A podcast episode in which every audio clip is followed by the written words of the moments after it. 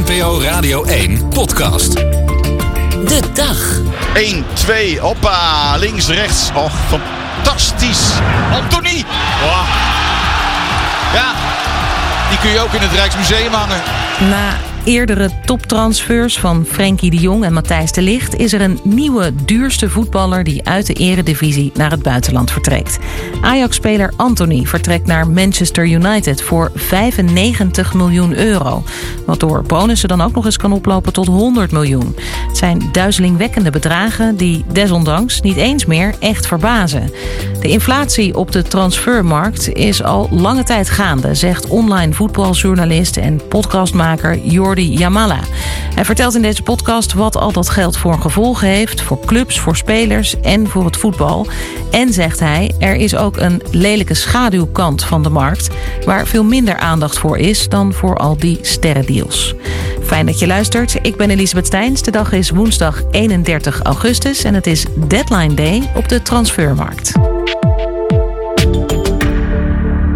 Breaking news Manchester United confirmed they have reached a deal to sign Anthony worth 86 million pounds.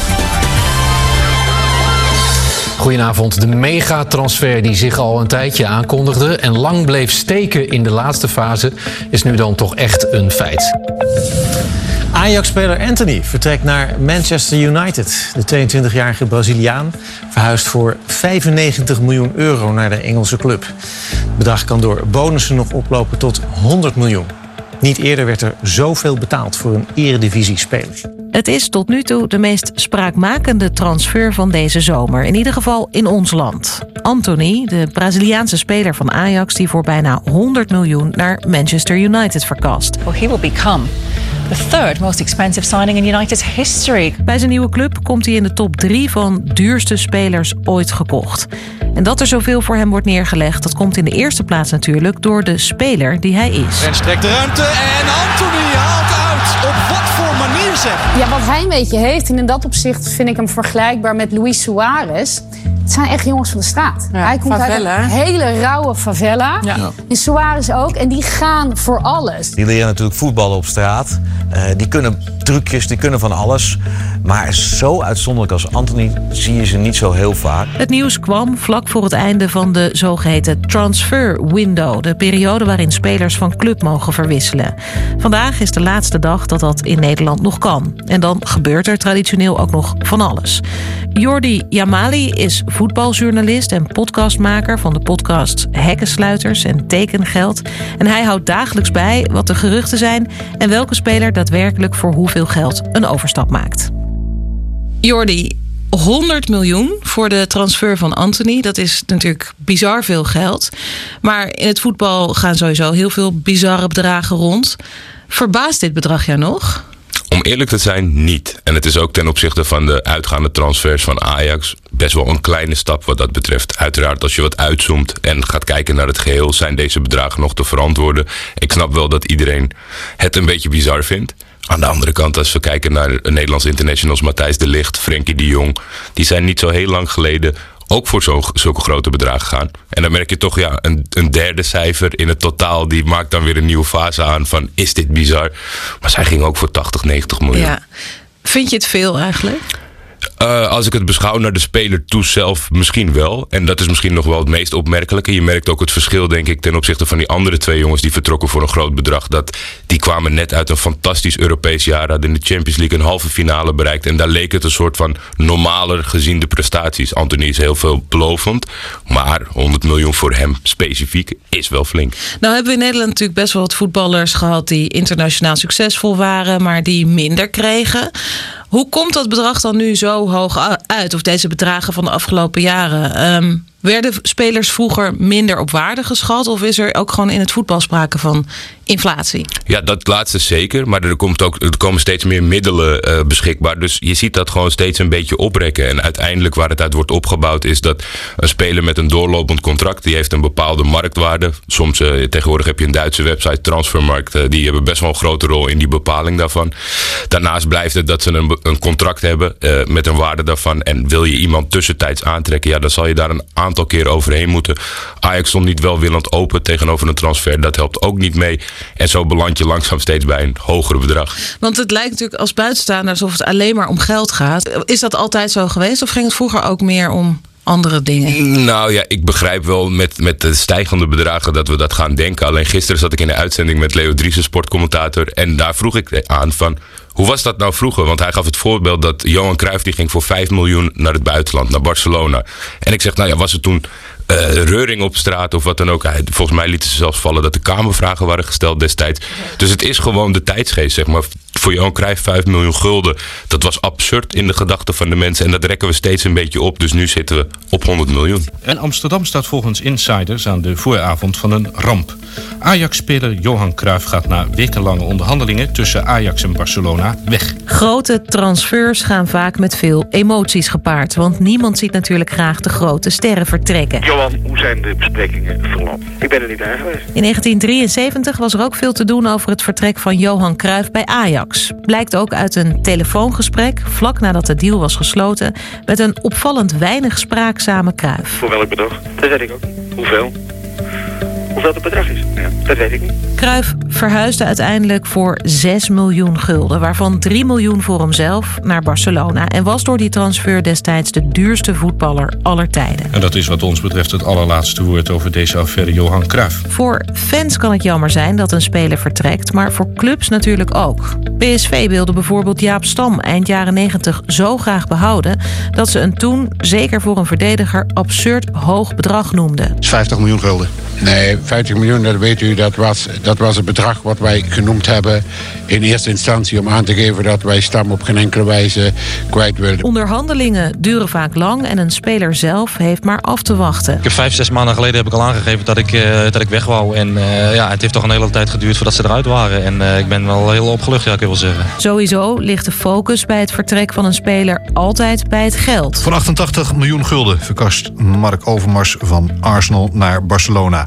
En dat betekent dat de kleine vleugelspits van iets meer dan 1,70 meter... meer dan een half miljoen gulden per centimeter waard is. En het is eervol natuurlijk als er zoveel voor je betaald wordt. Ajax-middenvelder Frenkie de Jong vertrekt komende zomer naar FC Barcelona... voor 75 miljoen euro. Maar Frenkie de Jong, die zich in 2019 de duurste voetballer mocht noemen... benadrukte ook dat de precieze hoogte van het bedrag voor hem zelf niet zoveel betekende. Voor mij is het... Uh leuk om erbij te hebben. Maar als ik nou 5 miljoen of 150 of 200 of 60 miljoen was, maakt voor mij niet uit. Ik moet gewoon zorgen dat ik daar goed ga voetballen en uh, zoveel mogelijk minuten ga maken. Met al die miljoenen die je in de voetbalwereld om de oren vliegen, vraag je je ook af: waar zijn die bedragen eigenlijk op gebaseerd? Wie bepaalt voor hoeveel geld een speler verkocht wordt? Iemand tekent een, tekent een salaris. En daarnaast komt er een hele factor bij die, die we niet, waar we niet echt onze vinger op kunnen leggen. Dus in principe zou je zeggen, een speler heeft een contract voor 1 miljoen per jaar. Hij heeft een vijf jaar lopend contract. Dus je moet hem in ieder geval afkopen voor 5 miljoen. Alleen is dat niet voldoende. Uh, clubs hebben ook wat te zeggen. Sommigen vinden dat niet helemaal correct. Dat spelers een soort van vast komen te zitten. Het leidt ook tot situaties zoals dat Anthony de afgelopen weken niet heeft meegedaan bij Ajax. Omdat hij zegt ik wil geen risico nemen. Dus ja, het restbedrag, dat is echt op basis van wat heb je ervoor over? Wat zijn potentiële waardes van hem? Hij is Braziliaans international, natuurlijk interessant voor een bepaalde markt.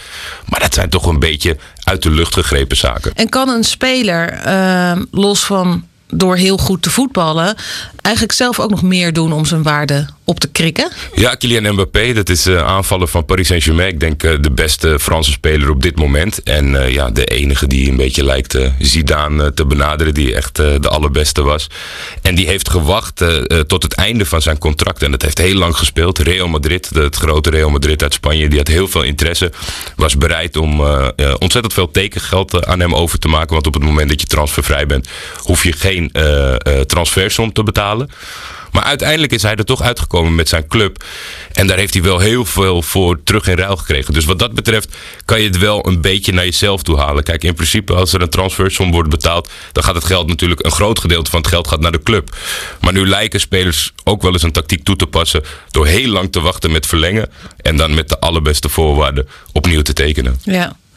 Veel mensen zeggen, als er dan zo'n heel hoog bod komt... dan kan je als club eigenlijk ook gewoon niet nee zeggen. Hoe zie jij dat? Um, een club zit in een lastige situatie. We hebben momenteel in Nederland FC Groningen. Die hebben een uh, spits, Strand Larsen, en die willen ze liever niet kwijt. Alleen er komen wel eh, flinke bedragen binnen waarvan zijn entourage zegt en hij zelf: Ja, dat is toch mooi, jongens, laat mij gaan. Ik wil, ik wil vertrekken en ik heb een mooie winst opgeleverd. Kunnen zij dan nog nee zeggen? Heel moeilijk, want ja, hij is ontevreden. En als je het feitelijk kan je hem als contract houden. Maar wat heb je dan nog aan die ontevreden speler? Dus we zitten een beetje vast in een situatie die niet ideaal voor clubs is. Maar ja, het, staat, het gebeurt wel altijd als er, wat, uh, als er mooie winst is te behalen. 17 miljoen gulden voor PSV-voetballer Ruud Gullit. Dit bedrag wordt voor een van Nederlands beste voetballers neergeteld door AC Milan. De waarde van een speler hangt af van allerlei omstandigheden. In de eerste plaats wordt er natuurlijk gewoon betaald om een contract af te kopen. En vervolgens wordt bepaald hoeveel een speler waard is. Door bijvoorbeeld te kijken naar zijn positie in het veld, zijn leeftijd, zijn blessureverleden. Hoe belangrijk hij is voor het winnen van wedstrijden, etc. In één keer staat hij in de top 10 van duurste transfers in het voetbal. Tussen grootheden als Neymar en Suarez. Virgil van Dijk. Voor bijna 85 miljoen gaat hij van Southampton naar Liverpool. En dat lijkt allemaal redelijk, maar er is toch ook veel kritiek op het transfersysteem. Onder meer omdat het vooral de grote clubs zijn die ervan profiteren.